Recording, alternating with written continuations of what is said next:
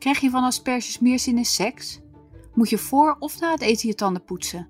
Welkom bij Koken en Weten, de podcast van Koken en Eten. Deze podcast gaat over mythes en fabels in de wereld van eten en drinken. Met als vaste gast gezondheidsjournalist Tijn Elfring.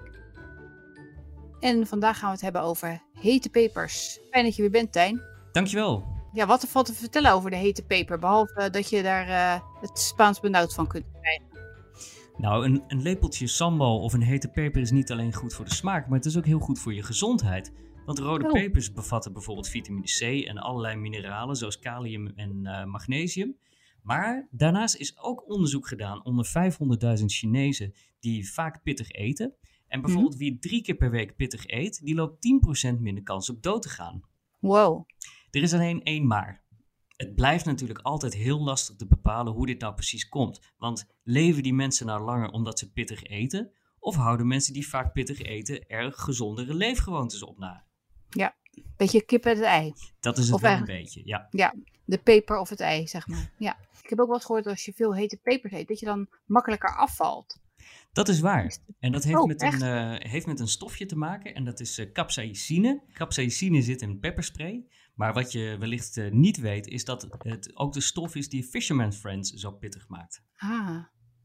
En hoe komt het dat het goed is om daarmee af te vallen? Of hoe komt dat je daarvan afvalt? Nou, er zijn twee redenen voor. Ten eerste zorgt die, die stof ervoor dat je sneller vol zit. Dus het verzadigingsgevoel bevordert het. En anderzijds stimuleert die stof ook de verbranding van lichaamsvet. Hmm. Handig.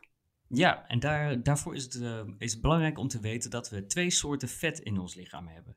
We hebben nou zogenoemd wit vet en we hebben mm zogenoemd bruin vet. En dit bruine vet is heel gezond, want dit bruine vet zorgt er namelijk voor dat uh, vet in ons lichaam, maar ook suiker, wordt verbrand.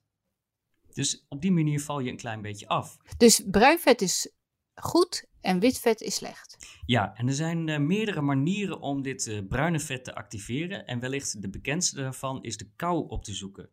En het is zelfs aangetoond dat als je de verwarming lager zet, uh, bijvoorbeeld op 17 graden, en je doet dat twee uur per dag, dat je verbranding toeneemt en je op die manier dus ook kilo's kwijtraakt. Maar er is nog een manier om dat bruine vet te activeren, en dat is rode peper eten. Ja, ik vind het wel ik geloof dan dat ik toch maar liever de verwarming wat lager zet. Ook, uh, ik moet even kijken of het, tot, of het ook lukt om tot 17 graden te krijgen met, uh, met dit weer. Maar ja, houdt niet van uh, pittig eten? Nou, niet zo erg, nee. Nou, dat is, niet, dat is geen ramp. Want echt wonderen moet je natuurlijk ook niet van rode peper verwachten.